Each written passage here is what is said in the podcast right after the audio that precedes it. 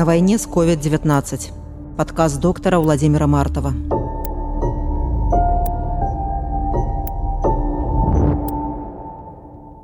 Глава 7.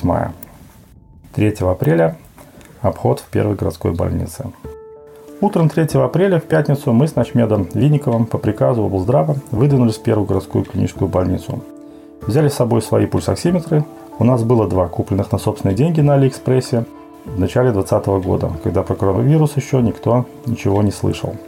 Мы с Винниковым обошли все общие палаты всех четырех этажей больницы, кроме отделения реанимации, и увидели множество пациентов, которым нужен был кислород. Выглядели они очень плохо, серые, динамичные. Всех их отметили и начали готовить к переводу к нам.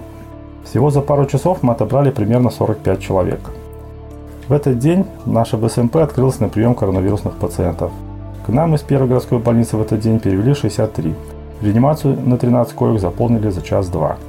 Из поступивших в реанимацию пациентов 5 были медработники. Тут журналістка свабоды Ганна Соось. У той жа дзень на прэсавай канферэнцыі тагачасная намесніца міністра аховы здароўя Алена Богдан расказала пра вынікі візіту міністра аховы здароўя ў віцебск і агучыла афіцыйныя лічбы шпіталізаваных і памерлых з каранавірусам у віцебску. Яны зусім не супадалі з той колькасцю пацыентаў, з якімі працаваў толькі ў адным шпіталі гораду доктор Мартаў. За прошлые сутки в Витебской области поступили всего 25 человек с ситуацией, связанной с коронавирусной инфекцией. Из них только у четырех подтвержден диагноз коронавирусной инфекции, 15 человек госпитализированы как контакты первого уровня, остальные являются контактами второго уровня. Выписано 33 человека из лечебных учреждений Витебска. Мы забрали к себе в том числе старшую медсестру отделения с коронавирусной пневмонией. Как раз из ее отделения накануне умерла процедурная медсестра. Вот кто насмотрелся вдоволь и на организацию работы, и на защиту медперсонала. А ее дочка, между прочим, работала у нас тоже медсестрой и должна была работать в красной зоне. И как можно было побороть панику?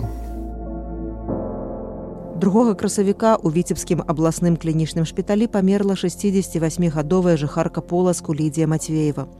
Пасля смерці сям'я даведалася, што ў яе быў каранавірус. Сын перакананы, што заразілася яна ў шпіталі, і ён запатрабаваў прыцягнуць да крымінальнай адказнасці Александра Лукашенко.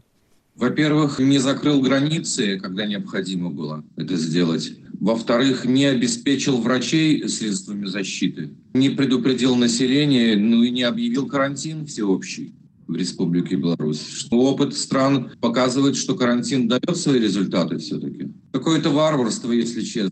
Ну, ну как? Если весь мир борется с болезнью, и как-то президенты всех стран ну, с сочувствием относятся к умершим, вы же посмотрите, он по телевизору просто насмехается над жертвами. Вот этот случай, где умер бывший офицер, бывший военный, он же просто насмехался над ним. Рассказывал о том, что как это можно жить со столькими болезнями. Ну как, никакого даже сочувствия нету к жертвам. Ну разве так может себя вести президент страны? Глава 8. Первое дежурство в грязном корпусе БСМП. В этот день, 3 апреля, когда моя БСМП наконец открылась на прием коронавирусных пациентов, мы дежурили вдвоем с Ростиславом Савицким по реанимации терапевтического корпуса в красной зоне, или, как мы его называли, чумном бараке. Прямо над нами на третьем этаже терапевтического корпуса в этот день минские мастера еще доделывали кислородные точки. Несмотря на все усилия министра и администрации БСМП, в красную зону нам пришлось входить все-таки в своем, в добытых моими коллегами СИЗах и масках-респираторах – Нашу долю при начале приема попросту разворовали представители других отделений. Так повторялось не один раз, пока нам удалось наладить защиту нашего от не наших, вплоть до навешивания замков на наши реанимационные шкафчики. Смешное недопонимание получилось у меня тогда с моим минским начальником Александром Михайловичем. В ожидании первого приема я все обращался наверх и требовал респираторы. А у нас респиратором называют и специальную лицевую защитную маску, и аппарат для искусственной вентиляции легких – в итоге мне в БСМП к первому дежурству привезли из районов несколько поставящих аппаратов ИВЛ. Тоже хорошо. Но мне нужны были банальные защитные маски респираторы для защиты себя и моих коллег.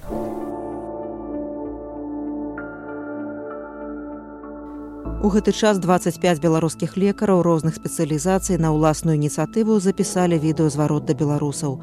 У ім яны распавялі, як паводзіць сябе ва ўмовах пандэміі каранавірусу, каб засцерагчыся ад захворвання самім і зберагчы блізкіх. Граждане Республики Беларусь, мы, врачи, обращаемся к вам и просим вас о поддержке. Именно вы можете сохранить здоровье себе и своим близким. Если вам необходимо посетить место большого скопления людей, обязательно одевайте маски. не обращайтесь к врачам без острой необходимости. Чаще мойте руки с мылом или дезинфицирующими средствами. Выполняя эти простые правила, вы можете сохранить жизнь и здоровье себе и своим близким. Помогите, пожалуйста, нам, чтобы мы смогли помочь тем, кому нужны. Апошні ўзвароце Масім ачарэтні тагачасны галоўны лекар трэцяга дзіцячага шпіталя менску. Ён публікаваў на сваёй старонцы ў фейсбуку свой фотаздымак з заклікам падтрымаць сваіх калегах доктароў якія цяпер працуюць. Я буду на працы будьце калі ласка дома у 2021 годзе за чарэтнім не працягнулі кантракт.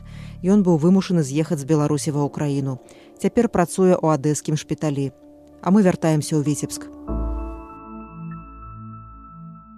Прием начался 3 апреля в 17.00. С улицы пациентов принимали немного. В основном мы эвакуировали больных, нуждающихся в кислороде из первой городской больницы. Что это значит? Принять за пару часов 63 пациента из другой больницы, из них 13 сразу в реанимацию. К сдаче смены в 20.00 нас меняли Максим Николаевич и Ольга Владимировна. Мы не могли ничего толком рассказать про пациентов, кроме возраста, пола, данности заболевания, параметров оксигенации и параметров вентиляции для тех, кто уже оказался на ИВЛ. Наши сменщики были шокированы. В обычной работе такое было неприемлемо. Но здесь начинались новые правила. Начиная смена Максима Николаевича Ольги Владимировны выдалось еще страшнее. Некоторые пациенты, принятые нами, ухудшались на глазах, их переводили на искусственную вентиляцию. Неожиданно возникла тема трудной интубации. Для нее в красной зоне не было никаких приспособлений. Проблему решали прямо по ходу. Пришлось привлекать эндоскопистов и коллег из чистого корпуса. Их требовалось экипировать из переписки тех дней. Дежурство очень утомительное, очень любопытный контингент. Все словно под копирку, только разной степени тяжести. И все идет своим чередом. Переломить сложно. Можно только добавить резерв организму. 7 апреля. У нас дезертиры. Занимаюсь массовыми бессудными расстрелами. У нас уже 230 пневмоний, из них 90 не тяжелых в роддоме. Умерло двое, я жив-здоров. Очень хочу думать, что со мной умрет меньше, чем без меня. Тема – жонглеры. У жонглера всегда два шара в руках. В воздухе, когда я учился жонглировать, у меня был один шар. Если умелый жонглер – два шара. У аса в воздухе – три шара, а в руках по-прежнему два. Та моя мысль была о том, что мест в реанимации всегда не хватает. Кислородной точки тоже дефицит. Но ротируя пациентов, при этом оставляя их под плотным наблюдением, всегда можно помочь большему числу пациентов – Просто это утомительно – снимать пациентов с кислорода, кто в нем уже не нуждался, и переводить их на обычную койку. Было сложно уговаривать их, а они сопротивлялись. Они еще не здоровы, у них надолго оставался страх нехватки кислорода. Их пугала страшная картинка компьютерной томографии легких, которая надолго оставалась страшной даже после клинического выздоровления. А у тебя за порогом немало тех, кому тоже нужен кислород. А врачи-терапевты и приравненные к ним не хотели прощаться с теми, кому стало легче, и получить взамен тех, кому реально плохо, и кто снова требовал особого внимания. Вот это расталкивание болота в попытке помочь как можно большему числу пациентов отнимало много времени и сил. Но без этого эффективность оказания медицинской помощи сразу падала. Легко было потерять, кому как раз можно было помочь, и также легко было списать тех, кому помочь не получалось. Первая наша смерть БСМП – это был пациент из первой партии, доставленный из первой городской больницы. 76 лет. Он сидел на стульчике в коридоре во время нашего с обходов по первой городской больнице. Его только-только привезли после компьютерной томографии в диагностическом центре. Он выглядел плохо, серый, апатичный. Через пару часов его уже перевели к нам, первой же машины скорой помощи. Сразу в реанимацию, практически сразу на ИВЛ. Он, вероятно, и умер у нас первым. Всего за первые полторы недели, до понедельника 12 апреля, у нас в красной зоне умерло 9 пациентов.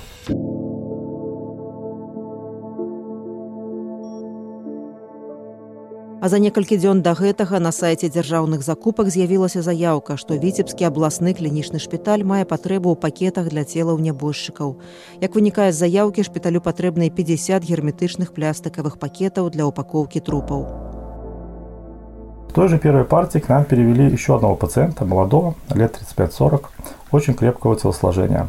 В первой городской больнице он лежал в общей палате, тоже вялый, динамичный. Кислорода для него не было, Видеть такого здоровяка в таком состоянии было жутковато. Мой начмет Винников сразу его вычленил из остальных, и мы его тоже срочно забрали к себе. Ему оказалось не нужна реанимация, только кислород. Он отлежал на животе с кислородом в носу почти без движения несколько недель. Уже вышло мое интервью в именах. Он к тому времени уже начал выходить в холл и, увидев меня, сказал такое запоминающееся. Наконец я, то есть он, увидел в интервью на фотографии своего спасителя – потому что до этого он видел меня и всех нас только в подсвеченном костюме и маске-респираторе. Пациентки П и К из той же первой партии пациентов с первой городской больницы – это две наши первые победы, абсолютно нетипичные, как потом оказалось. Несмотря на подачу кислорода, они вскоре устали дышать, были переведены на искусственную вентиляцию, недлительную, меньше недели, и выжили. Ни до, ни после у нас таких быстрых сценариев снятия СВЛ не было. Или фенотип вируса вначале был иной, за пациентку К тогда болело все терапевтическое отделение. Там же в общей палате лежала ее великовозрастная дочка, тоже с коронавирусной пневмонией, но не тяжелой. У нее была лигофрения, такая очень милая добродушная девушка с мышлением пятилетнего ребенка. И женщины отделения очень переживали, как ей нужна мама. И мама выжила, всем смертям на зло, лежала потом с дочкой в одной палате. Примечательно, что у дочки был ПЦР плюс, а у мамы минус. Такие победы, пусть нечастые, очень мотивировали. Хотелось работать.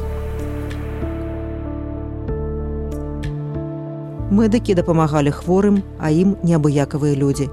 Прадпрымальнікі віцебску аб'ядналіся, каб падтрымаць медыкаў і пацыентаў.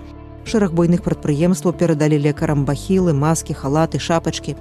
Кампаніі Белвест і энергакамплект перадалі ў віцебскую інфекцыйную лякарню камплекты спецыяльнай медычнай вопраткі. Рэстаран віцебскі тракцір і холдынг аптэка груп наладзілі харчаванне ў некалькіх медычных установах гораду і гэта быў толькі пачатак велізарнай салідарнасці беларусаў.